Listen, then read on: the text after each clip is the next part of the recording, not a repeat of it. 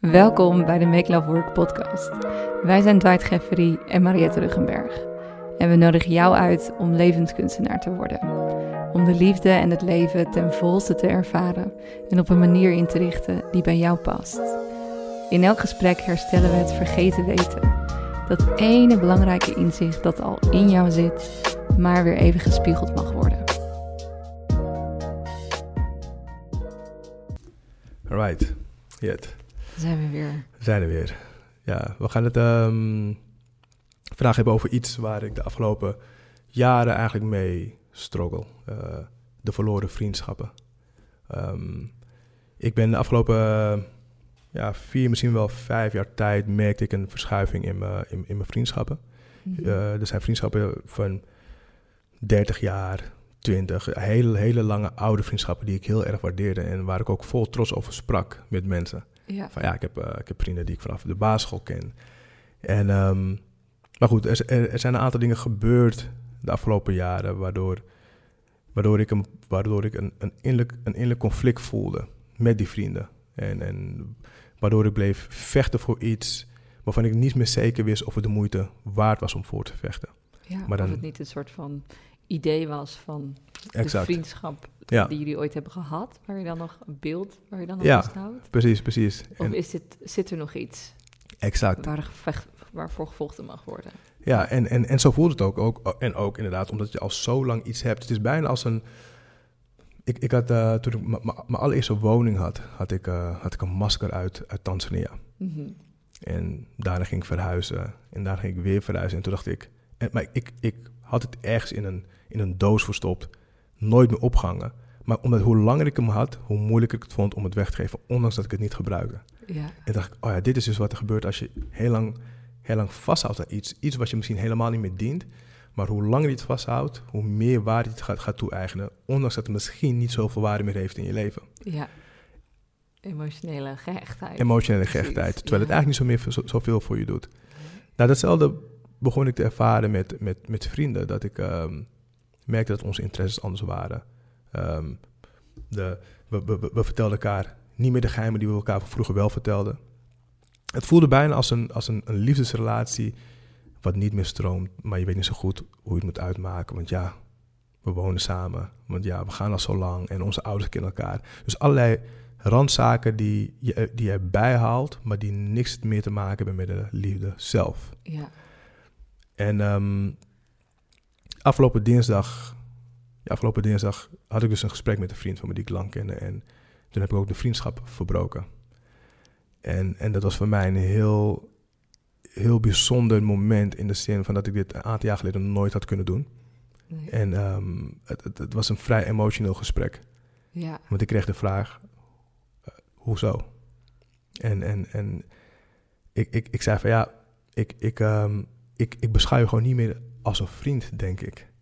En nog steeds met, met twijfel in mijn stem, denk ik. En toen vroeg hij dus van, is er iets wat ik kan veranderen? En ehm, ja, toen moest ik dus gewoon zeggen, nee, ik, ik denk dat het gewoon is wat het is.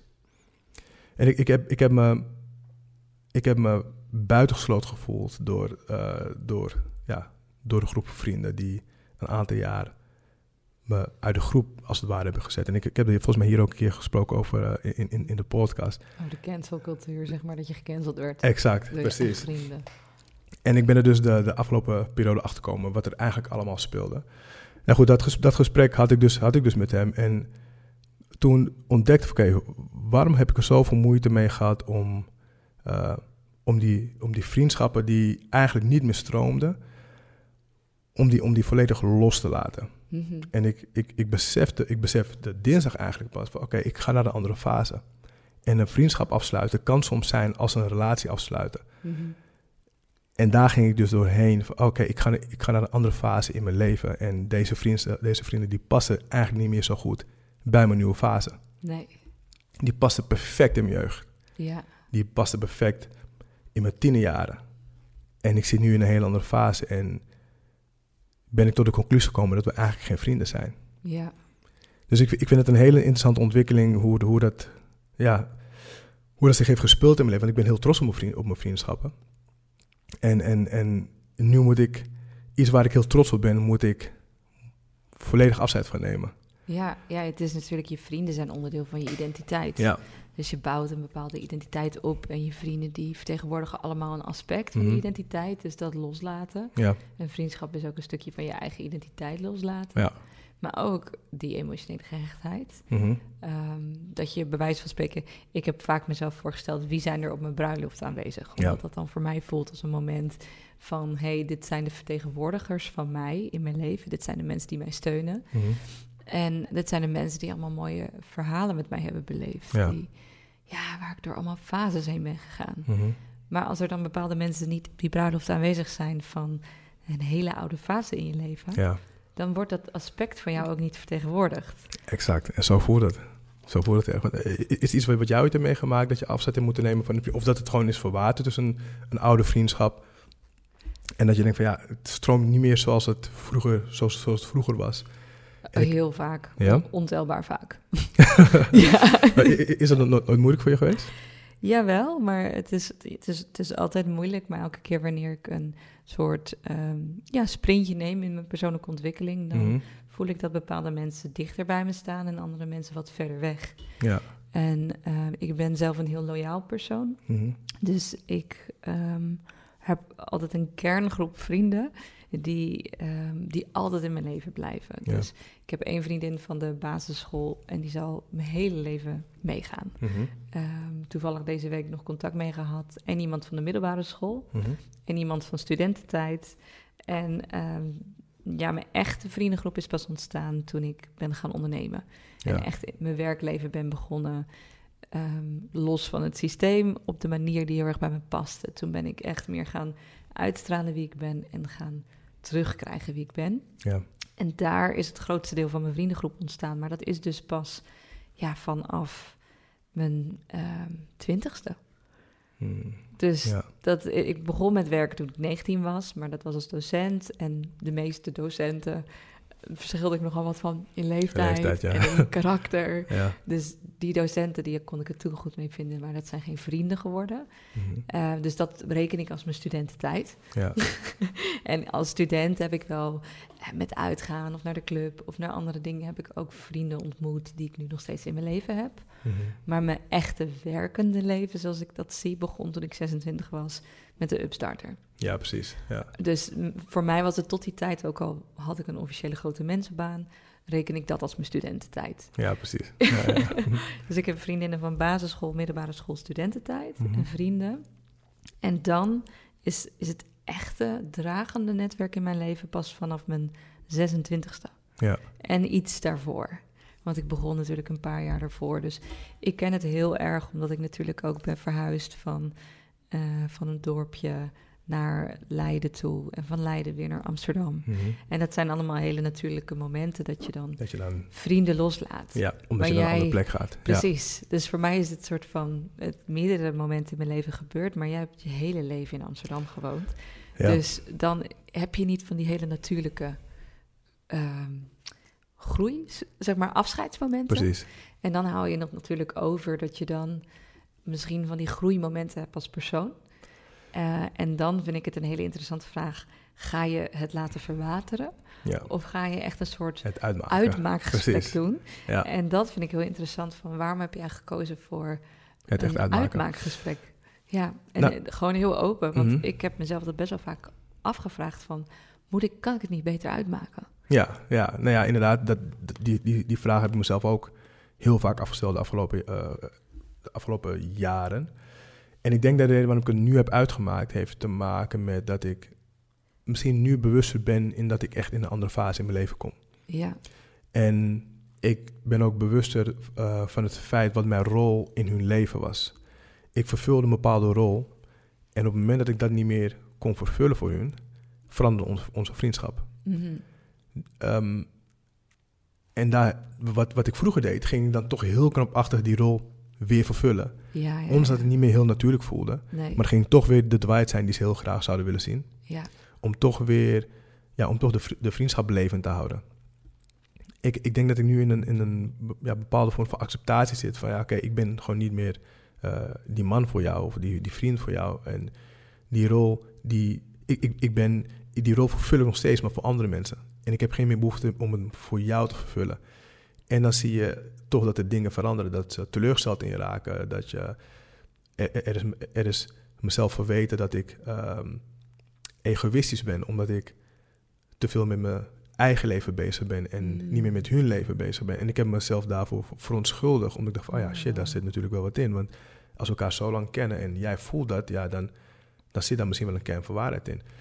Maar het bleek uiteindelijk achteraf helemaal niet de reden te zijn dan. Nee, uiteindelijk bleek het, bleek het te gaan om, om, om, een, ja, om, om een oude liefde, wat tussen ons in zat, bijvoorbeeld. En Ja. dat, dat is dan één voorbeeld. ehm wat was een, een geliefde van hem waar, waar ik een geschiedenis mee had. En dat, ehm, dat heeft ervoor gezorgd dat alles is veranderd tussen ons.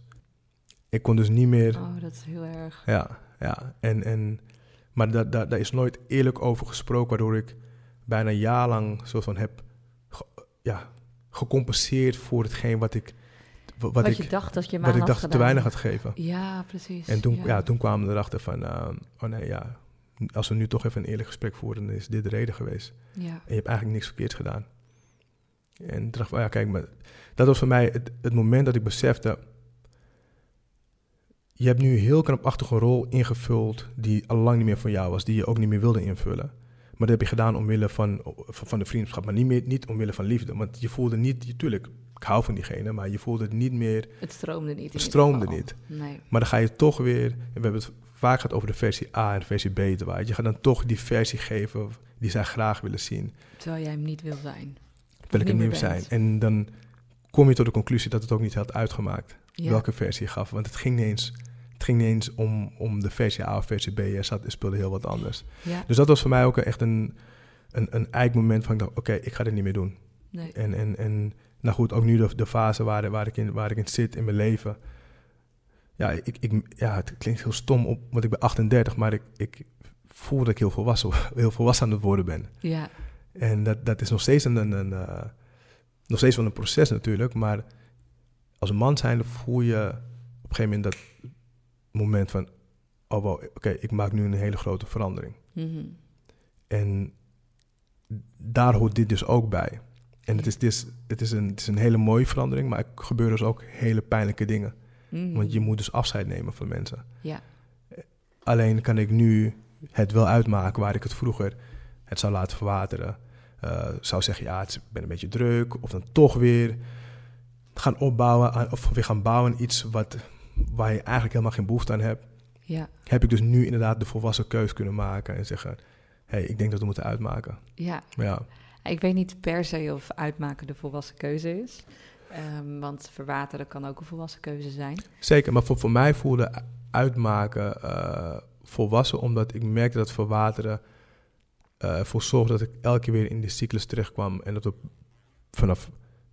Ik creëerde elke keer exact dezelfde situatie. Ja, precies. Wat mij he- heel veel energie kostte. Dus ik heb dat geprobeerd. Als dat had gewerkt, prima. Precies. Maar ik denk dat dat misschien voor iedereen per situatie afhankelijk Ja, is. zeker. Dus dat is een heel interessant van, nou, waarom heb je het uitgemaakt in plaats van het laten verwateren? Mhm. Want dat zijn in principe de twee opties een Ja. beetje die je hebt. Mhm. Je hebt gekozen van, nou, ik heb echt gekozen om het uit te maken, want Ja. ik merkte dat het me te veel energie kostte. Dus waarschijnlijk werd er dan toch nog te vaak naar jouw wens beroep op jou gedaan Ja. in die oude rol. En eh, het kan ook zijn dat wanneer het verwatert, dat het contact gewoon eigenlijk eh, nagenoeg verdwijnt. Ja. Ehm, en dat je niet zo'n ongemakkelijk uitmaakgesprek hoeft te hebben, maar dat je elkaar af en toe tegenkomt en dan een beetje ongemakkelijk met elkaar kletst. Mhm. Ehm, en dan tegen elkaar zeggen, ja, we moeten elkaar nog zien, ja, we moeten elkaar nog ah. zien. En dat je weet dat het niet gebeurt. Exact. En dat het daarbij eh, blijft, Ja. een beetje. Dus dat kan ook een, ook een optie zijn. Ehm, ik heb zelf niet, niet een voorkeur. Ik denk dat het, als jij die reden noemt van het kost me te veel energie, Mhm. Dat, dat er dan duidelijk even het nodig is om een draadje ehm, eigenlijk los te maken. Ja. En opnieuw vast te maken aan iets anders, maar niet meer aan elkaar. Mhm. Dus echt om die draden anders te doen. Dus ik vind dat wel heel stoer. En het lijkt me ook heel eh, moeilijk als je dan de vraag krijgt: kan ik iets doen om te veranderen? Dat is echt ah, Oh, dat breekt je hart, zeg maar. het pijnlijkste Ja, Want degene die stelt zich heel kwetsbaar op, wat, wat vaak heel veel lef heel vergt. veel. Ja, En, en het, het, hij- hij- ja, hij laat natuurlijk ook heel erg zien van, hé, hey, ik wil hiervoor vechten. ja, Weet je, zeker gezien het feit dat we elkaar zo lang kennen. We, hebben, we, we kennen elkaars ouders. We, we weten alles, althans, we, we hebben elkaar echt zien opgroeien. Ja, Dus ik wil het niet opgeven. Dus wat kan ik veranderen? ja, Ja, en dan moet je zeggen, ja, eigenlijk niks. nee, En, en het is niet zozeer van dat je niet in staat bent om iets te veranderen. Het maakt me niet zoveel uit wat je verandert. Voor mij hoeft het niet meer. nee. Ja, dat is een van de pijnlijkste dingen die... eh, ja, dat, dat, dat voor mij is het heel moeilijk. Ik, Ja. vind, het, ik vind het een heel moeilijk iets. En, en, maar goed, ik, ik merkte wel van, ik moet dit dus nu doen. Want ik, ik verlies mezelf. Ik, ik, op, een gegeven moment voelde ik mezelf bijna een soort van prostituee van de vriendschap. Ja, Dat ik me elk zelf, zelf weer van, oké, ja, daar ga ik weer in. daar ga ik weer. Ja, Weet je, en, en, en dat, dat kost heel veel energie en ik voel me steeds leger. ja. Soms, soms als, we, als we hadden afgesproken en ik was dan thuis, was ik helemaal uitgeput. Ja, helemaal nee, uitgeput. En denk van, ja shit, een vriendschap hoort helemaal niet zo te voelen. Ik hoor eigenlijk als ik van een afspraak thuis kom met, met, met een vriend, dan moet ik denken van, ah, lekker. Ja, Ja. dit is, oh, we hebben zo, zo, zo chill gesproken over dit of wat dan ook. En nu kwam ik thuis en was ik uitgeput. Ja, Mentaal, emotioneel wow. uitgeput. Maar Ja. ik denk dat dit de wat meer extremere gevallen zijn. Want Mhm. meestal, als je dit hebt met een vriend, dan Ja. voel je dat aan beide kanten. Mhm. En dan, dan neemt die behoefte om elkaar te zien wat af. Exact, neemt het natuurlijk af. Ja, en, dan, en dan hoef je niet zo'n ongemak, hoef je het niet te forceren. ja zeg maar. precies. Want meestal denkt, goh, nou, ik ben blijkbaar steeds degene die, die contact zoekt. Mhm. Dat is dan op een gegeven moment heel duidelijk. En ja, hij stuurt me ook niet achteraf een berichtje van, van stop. En hij lijkt ook niet heel bruisend Precies. tijdens het gesprek. Dus ja, ja, ja. dan heb je toch al best wel wat signalen ja. Niet, niet opgevangen. Dus ik, ik denk dat als het gebeurt, dat dit een, een soort van noodzakelijke keuze is. ja. Want wat ik zelf lastig vind aan uitmaakgesprekken, ik heb het nog nooit gedaan. Mhm. Ook al heb ik wel heel veel vrienden, nou ja, gedag gezegd. ja. Ehm, en ehm, ik, dus ik zeg niet van, je moet het niet niet doen. Maar wat ik moeilijk vind aan een officieel uitmaakgesprek is dat ik nooit weet wanneer een vriend opnieuw weer in mijn leven stapt. Mhm. Omdat ehm, je hebt constant fases. Ja. En ik heb dus die, uit iedere fase in mijn leven heb ik één vriendschap die ik met heel veel zorg en liefde onderhoud. Mhm. En het zijn mensen die ik niet zo heel vaak zie per jaar. Dus ik zie ze misschien twee keer per jaar, drie keer per jaar. En bij belangrijke dingen voel ik, hey, dit wil ik met jou delen. Oh, dit wil ik met jou delen. Of ik kom een foto tegen van, eh, van de basisschool Ja. of van de middelbare school. En dan stuur ik het door en dan halen we een herinnering op. Dus dat, dat, dat onderhoud ik heel zorgvuldig, zodat Mhm. uit elke levensfase er iemand met me meereist. Ehm, maar daarnaast heb ik van die eh, bewegende schillen. Ja. En ehm, afhankelijk van waar ik intensief mijn focus op leg in mijn levensfase, ga ik intensiever om met bepaalde vriendschappen. Dus er zijn vrienden die zeg maar in en uit. Ja, in- en uitstappen. In- en dus uitstappen. die, ik, noem, ik noem dat zeg maar verschillende ja, cirkels. Mhm. Ehm, en de ene keer verschuift cirkel 1 naar cirkel 3, Mhm. gaat cirkel 3 naar 2 en 2 naar 1. Dus het zijn Ja. een beetje bewegende eilanden bij mij. En iedereen is welkom op mijn verjaardag, zeg maar. Mhm. Ehm, maar ik heb bijvoorbeeld de afgelopen tijd, ehm, omdat Dion en ik hadden natuurlijk het huis gekocht en in 2020 tegen elkaar gezegd, nou we willen een gezin en we willen het huis. Ja. En toen hebben we echt, zeg maar, zwanger proberen te worden, twee jaar lang uitgesteld en toen uiteindelijk gezegd, ja we gaan het nu doen. Mhm. En ehm, ik heb toen in die periode eh, veel intensiever opgetrokken met mijn vriendinnen die ook aan het proberen waren. Of die Ja, ja, eh, net moeder waren. Dus ik heb heel erg geïnvesteerd in moedervriendschappen. Mhm. Eh, en dan precies de vrouwen die voor mij dan een rolmodel zijn in moederschap. Ik heb niet het traditionele plaatje van moederschap voor me. In sommige opzichten wel, maar in sommige opzichten ook niet. Dus het waren echt de vrouwen die ik heel inspirerend vind in hun rol als moeder. En twee van die vriendinnen heb ik echt mee gehuild de afgelopen periode. Omdat ik, nou, de relatie met Dion is uitgegaan. Ja. Ik ben niet naar de fase moeder gegaan, zij wel. En eh, we hebben echt met elkaar gehuild dat die vriendschap verloren is gegaan. En we hebben nog Oh, een ja. vriendschap, Maar niet de moedervriendschap. maar niet de moedervriendschap. Ja, ja, ja. En dat is waar we heel intensief deelden. Bij een van die vriendinnen ben ik aanwezig geweest bij het moment dat zij de test ging doen. Haar zwangerschaptest. Ja, Ja. en hebben we naakt in de kamer gedanst, omdat we bleek te zijn, Ja. Dus het was gewoon heel mooi en heel intensief. Maar we hebben dus ook gerouwd dat we dus niet meer op die eerste cirkel met elkaar staan. Ja. Maar dat zij nu naar de tweede of derde cirkel is geschoven. Is ook iets wat je nu merkt, dat, dat jullie, dat het contact anders is? Ja, het contact is gewoon geminimaliseerd. Ja. Ja. En ehm, we zijn natuurlijk nog steeds vriendinnen zoals we vriendinnen waren. Mhm. Maar we hadden de droom om moedervriendinnen te- met elkaar te zijn. Om dat hoofdstuk te delen. En eh, met een van die vriendinnen was het alle twee onze eerste keer. Onze, alle twee ons eerste kind.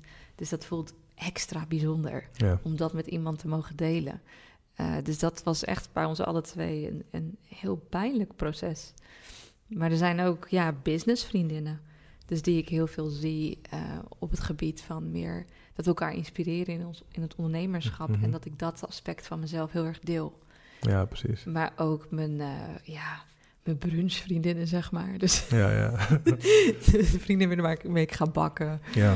Of waar ik Disney films mee ga kijken. Of, Dus- Ja, is eigenlijk heel fijn om, om inderdaad om voor, voor, voor bepaalde fases of activiteiten je vriend te hebben. En dat heb ik ook hoor. ja, Het, het wordt alleen heel moeilijk als, eh, als een van de twee die rol niet accepteert, zeg maar. Precies. Dan wordt dat, het- je, dat je niet meer een, een rol samen hebt. Ja, of een rol samen je, hebt. Ja, eh, Want het kan zijn dat er een rol wegvalt, ja, maar dat er nog een andere rol is die je graag vervult. ja. En als dat niet meer is, Ja, dan, dan is er gewoon niet zoveel meer Ja, te doen. En meestal wordt dat aan twee kanten gevoeld, maar soms, soms niet. soms niet. En nee. Dat, dat, dat heb, ik, heb ik altijd heel bijzonder gevonden. Want inderdaad, ik, ik ben wat dat betreft, ja, ja lafaard tussen haakjes. Ik ga het e- liever eerst laten verwateren dan ik het, in dan dat ik het heel radicaal moet uitmaken. Ja, Maar dan vind ik altijd heel bijzonder van, oké, hoezo heb jij dan niet het gevoel dat het niet meer stroomt? ja, gek hè? Maar het kan natuurlijk ook zijn dat hij hetzelfde, hij of zij hetzelfde heeft, wat ik,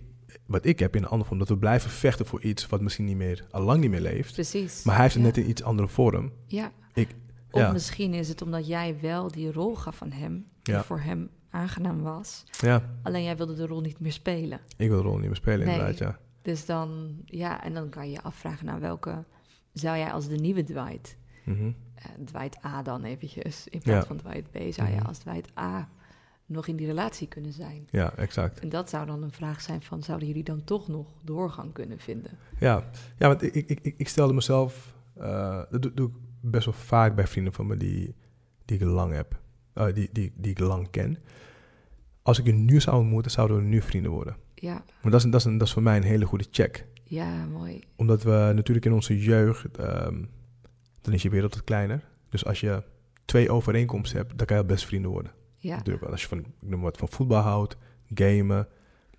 Nou oké, nou, dan hebben we al twee activiteiten die veel tijd kosten, die we samen kunnen doen. Nu zijn we beste vrienden. ja. Nou, en, dan, en, dan, en tijdens die activiteiten ga je natuurlijk met elkaar praten en je komt bij elkaar thuis. Dus ja, je bouwt een relatie op. Maar nu ben je 30, 20, 38, whatever. En dan ga je denken, oké, maar stel dat ik je nu zou ontmoeten. Stel dat ik niks van je zou weten. ja. Zouden we, nu nog steeds zouden dan nu nog steeds vrienden zijn? En ik ben, ik ben, deze vraag heb ik mezelf gesteld bij, bij heel wat vrienden die ik al lang ken. Ja, en er waren wat vraagtekens inderdaad van, oh ja, weet ik eigenlijk niet. Ik weet niet of onze vriendschap gebaseerd is. En natuurlijk, het is heel mooi als iets gebaseerd is op geschiedenis en nostalgie. ja. Maar is onze vriendschap, onze vriendschap zo puur dat ik nu opnieuw bevriend met je zou kunnen worden? Net zoals met de geliefde. Als ik ehm, kijk naar mijn eerste liefde en ik heb, oké, als ik jou nu zou ontmoeten, zou ik weer verliefd op je worden? En ik van, oké, nee. Maar met sommige geliefdes kan het, kan het zijn, ja, ik zou nu opnieuw verliefd op je worden. ja. Dus onze liefde is, is blijkbaar zo diep dat het niet gebonden is aan een levensfase. Dus ik zou nu, als ik je nu zou leren kennen, zou ik nog steeds verliefd op je worden. ja. En ja, met sommige vrienden kwam ik erachter, oh ja, shit, eigenlijk, eigenlijk niet. Nee. We waren misschien perfect voor elkaar in die fase. En we hebben het uitgemolken op basis van nostalgie, herinneringen, liefde natuurlijk ook. Want ik hou nog steeds van ze in, in, in een bepaalde vorm. Maar eigenlijk passen we helemaal niet meer bij elkaar. En dat zijn ook heel veel liefdesrelaties. Dat je misschien op jonge leeftijd bij elkaar komt en dan rek je het helemaal uit. En op een gegeven moment zit je elkaar aan te kijken en denk van... Ik zie gewoon helemaal niks meer van mezelf in jou. Nee. Terwijl ik vroeger alles in mezelf zag van jou. Ja. En ja, dan, dan, dus dat is voor mij een hele, dat is voor mij echt een testvraag. ja, zeker. We, is onze vriendschap nog steeds iets wat nu bij me past? Ja. Ja, en ik vind dat altijd ik vind dat een hele goede vraag en ook een beetje een linker vraag, omdat Je kan als persoon, we veranderen constant. Mhm. En ehm, wat je bijvoorbeeld ook wel eens ziet, is dat eh, als mensen starten aan hun spirituele ontwikkeling of persoonlijke ontwikkeling, Ja. dat ze even helemaal in dat wereldje duiken. En Mhm. hetzelfde kan zijn dat als je eenmaal soort van kiest om het start-up landschap in te stappen en voor die droom te gaan, dan kan je ook even helemaal eh, alleen maar met je eigen bedrijf bezig zijn Ja. en al je vriendschappen laten verwateren. Mhm. Dus dat, dat, dat gebeurt wel vaker. ja, zeker. En dat als je, weet je wel, dan, dan ga je naar je oude kroegvrienden toe en dan zeg je, nou, ik heb ayahuasca gedronken en jij hebt echt de allermooiste ervaring van je leven gehad. Ja. En je zit daar een soort van, je wil je hart zo vertellen wat je dan hebt ervaren en dan eh, niks wordt ontvangen en ze willen het eigenlijk niet eens over hebben. Mhm. En ze vragen of je nog een biertje wil. En jij hebt net soort van besloten, ik wil helemaal geen alcohol meer. Dus dat, dat zijn fases. Dat zijn En- zeker fases. en dat, dat gebeurt. En dan, als je dan besluit, en dat mag, om al die vriendschappen ehm, uit te gaan maken Mhm. of om te breken, dan zou, het, zou je, nou, misschien een aantal jaren later ineens denken: Goh, die vriendschappen, weet je wel, ze hadden eigenlijk nergens een oordeel over. Behalve Ja. dan dat ze geen flikker van me begrepen. Ja, ja. ja. En ah, ik mis het eigenlijk wel, wel om een keertje een sim, avondje simpel te zuipen in de kroeg. Mhm. Maar waar zijn mijn simpele zuipvrienden? Nee, ja, die heb ik niet meer. die heb ik niet meer. Nee, want ik heb Dus- het uitgemaakt. Ja, exact. En ook als je, als je van je ondernemerschapsdroom in één keer thuiskomt en denkt van... goh, ik wil het ook een keertje niet over targets hebben of over supergroot denken... en ik wil eigenlijk gewoon even heel simpel kunnen zijn... of een keertje kunnen janken omdat het eh, mijn succes niet is gelukt of Mhm. whatever... Maar ja, al die mensen die je niet succesvol genoeg vond en niet groot genoeg vond denken, die heb je geëlimineerd. Want dat paste niet bij je, Precies. bij je energie en het was niet voedend. Maar wie is er dan eigenlijk om ja, bij uit te huilen Ja. of even te luisteren naar de kleine jij? Mhm. Dus zo vind ik het ook altijd, ehm, even los van wat jij hebt gedaan hoor, Mhm. ehm, vind ik het ook goed om die vraag aan jezelf te stellen. Ja, zeker. Een vriendschap moet je nooit eh, energie kosten. Ja. Ehm, maar wanneer je merkt dat eh, de nieuwe jij niet in de vriendschap past, dan Mhm. kan je kijken, is er dan nog een ander stukje van mij wat wel past en wat we leuk kunnen houden Ja. en waar ik ook wat aan heb. En als dat ook niet is, dan is er wel heel weinig over. Dan is er heel weinig over. En, Ja. en dat, dat, heb ik, dat heb ik natuurlijk gedaan omdat ik, wat ik zeg, ik, ik, ik, ben, ik, was, ik ben heel zuinig op mijn, vriend, op mijn vriendschappen. Dus ik zal niet door een, door een simpele testvraag van zou ik nu weer bevriend mee zijn, een, een, mijn conclusies trekken natuurlijk. Nee, het, gaat, het, gaat, het is, voordat je die vraag stelt, is er, voel je al iets. Want het is de reden waarom je zelf die vraag stelt. Ja, Je voelt al dat dingen niet meer zijn zoals ze, zoals ze waren. Maar goed, dan ga je, er, ga je eraan werken. Je gaat er eerst aan werken. ja, En dan ga je er nog harder aan werken. ja, En dan denk ik, oké, maar misschien moeten we iets meer afstand hebben. En dan die hele... De aantal keren dat je elkaar ziet, dan, ja, dan kost het je nog steeds energie. En dan heb je de testvraag van... Oké, nou ja, we kennen elkaar zo lang. Als ik je nu zou leren kennen, zouden we nog steeds vrienden zijn? ja. Ja, en dan is toen... Dat, het antwoord was voor mij toen nee. Nee, nee, dat snap ik. Ja, En dat is het wonderlijke, want net als liefde, dat dat zo'n timingsvraagstuk is, zo zijn vriendschappen vaak ook een timingsvraagstuk. Dus ik heb bijvoorbeeld altijd ja, vriendinnen willen zijn met mijn zus. mhm. Dus eh, op de basisschool gingen wij heel leuk met elkaar om en speelden met de Barbies. En toen werden we pubers en toen was zij voor mij mijn grote voorbeeld. Ze deed ooit een keertje mee met zo'n Miss Zuid-Holland verkiezing. En toen ging ik aan alle mensen in mijn klas laten zien dat ze in, in die finale stond, Ja. zeg maar. En dat, dat werd niet gewaardeerd. Weet ik nog wel, maar ik was zo trots, trots. op mijn zus. ja. Eh, maar ja, zij was, ik was gewoon vier jaar jonger, dus ik was gewoon niet echt cool mhm. om mee te hangen. Dus het is niet dat zij niet eh, aardig voor me was, maar dat is dan gewoon Een leeftijdsverschil. een leeftijdsverschil. In die- in die fase van je leven. ja, Dus, dus we trokken wat minder naar elkaar toe. Dus Ja. ik was wel een soort van, wow, mijn zus. Maar mijn zus had zoiets van, ja, sorry hoor, maar ik heb gewoon mijn eigen goede vrienden. Ja. en ze was altijd heel lief en ze wilde met me hangen, maar dat stroomt dan gewoon niet zo. Mhm. En zo hebben mijn zus eigenlijk en ik alle twee wel gehad dat we naar andere zussen keken. En dan een beetje jaloers waren op hoe mooie vriendschap zij dan hadden. Mhm. En dat wij dat dan niet hadden. Ja. Dus we wilden het alle twee. En we hadden leuk contact. Maar het, het, het voelde als forceren Mhm. Om, eh, om besties te zijn. Ja, ja. En de laatste jaren zijn we, is de relatie met mijn zus heel erg gegroeid. En zijn we meer elkaars taal gaan spreken. Dus ik vind mijn zus echt een super stoere chick. Mhm. Heb ik altijd al gevonden. Dus nu ga ik weer het kleine zusje zijn. Dat, dat er helemaal fantastisch Ja. vindt. Maar ehm, Ze is journaliste, ze maakt docu- documentaires. En ja, het is gewoon geen enkele uitdaging voor haar is te groot. Mensen kunnen dat ook wel over mij zeggen. Maar dan denk ik, moet je maar even naar mijn zus kijken. En dan heeft zij nog mijn energie keer tien. Ja, ja, dus, dus ik heb altijd al met heel veel bewondering naar haar gekeken. Ehm, alleen, ik kon niet altijd heel goed uitleggen, ehm, ik, omdat ik heel gevoelig ben, Mhm. waar ik soms zat. En eh, zij heeft twee hoogsensitieve zoontjes. ja. En ineens merkte ik dat zij door contact met haar zoontjes Jou beter begonnen te mij begrijpen. beter begon te Ah, begrijpen. Ja. En dat ik me minder hoefde uit te leggen, maar dat ze het gewoon zag. ja.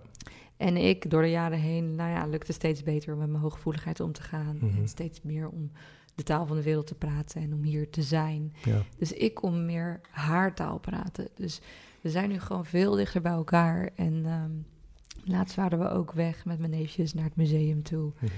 En we hebben zulke mooie gesprekken gehad. En ook achtergekomen dat we bepaalde dingen, en ik ga de, de details niet delen, maar in onze opvoeding hetzelfde hebben ervaren, Mhm. maar er alle twee los van elkaar mee hebben gelopen. En Mm. nooit van elkaar wisten dat we dezelfde struggle hadden.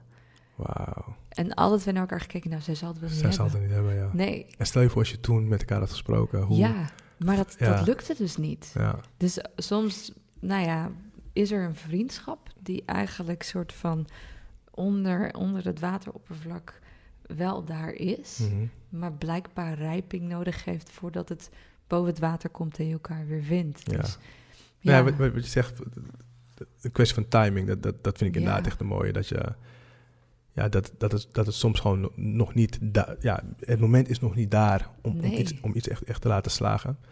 En, maar goed, dan heb ik mijn laatste vraag aan jou daarover, eh, hierover. Ehm, want je zei inderdaad van, nou, je hebt, je hebt een aantal keren vriendschap moeten uitmaken. Ehm, heb je bij een van de uitgemaakte vriendschappen eh, een moment gehad dat je dacht van, oh shit, ik heb het te vroeg uitgemaakt. Ah, zo. Nou, ik ben dus de verwateraar. er is maar één vriendschap die echt is uitgemaakt en dat was met, uh, naar aanleiding van een COVID-issue. Mhm. Dat was echt een duidelijk uitmaakgesprek Ja. met, met ons allemaal. Eh, dus dat was, daar heb ik nu niet dat ik denk van, oh shit, weet je wel, dat, eh, dat had ik niet moeten doen. Mhm. Ehm, want dat was de vraag toch? Dat ik nu terugkijk en denk van, Van, ik heb het te snel ik heb het te snel uitgemaakt. of uitgemaakt. ik, en ik mis het nu. Ja. Van, ik, dat had nog waardevol in mijn leven Ja. kunnen zijn. Nou ja, die, die meiden zijn superleuk. Mhm. Maar het was altijd al een beetje zoeken naar raakvlakken. Ja, En die meiden zag ik alleen in een groepsconstructie. nooit één op één. Nooit één op één. Ja. En in die groepsconstructie klopt het heel erg. Mhm. Dus dat zou ik nu nog steeds leuk kunnen vinden, die groepsconstructie. Maar ik mis het niet. Want Ja. er zijn weer andere dingen voor in de plaats gekomen die meer stromen. Ja, precies. Dus daar heb ik geen, geen spijt van. En als het dan gaat over andere vriendschappen, ja, dat waren dan ook niet die hele oude. Dus als je het dan hebt over echt hele oude vriendschappen, Mhm. dan zijn dat er bij mij misschien maar twee. Ja. En daar kan ik nog wel eens aan denken van, ook het lijkt me leuk om nu eens een keer een koffietje met je te drinken. Ja. En dan ben ik ook de beroerdste niet om dat te zeggen. Mhm. Maar dan denk ik ook niet dat we elkaar volgende week weer spreken. Dat blijft bij een eenmalige een koffie eens afspraak in de vijf waarschijnlijk. jaar of zo. En Ja. dat kan ook.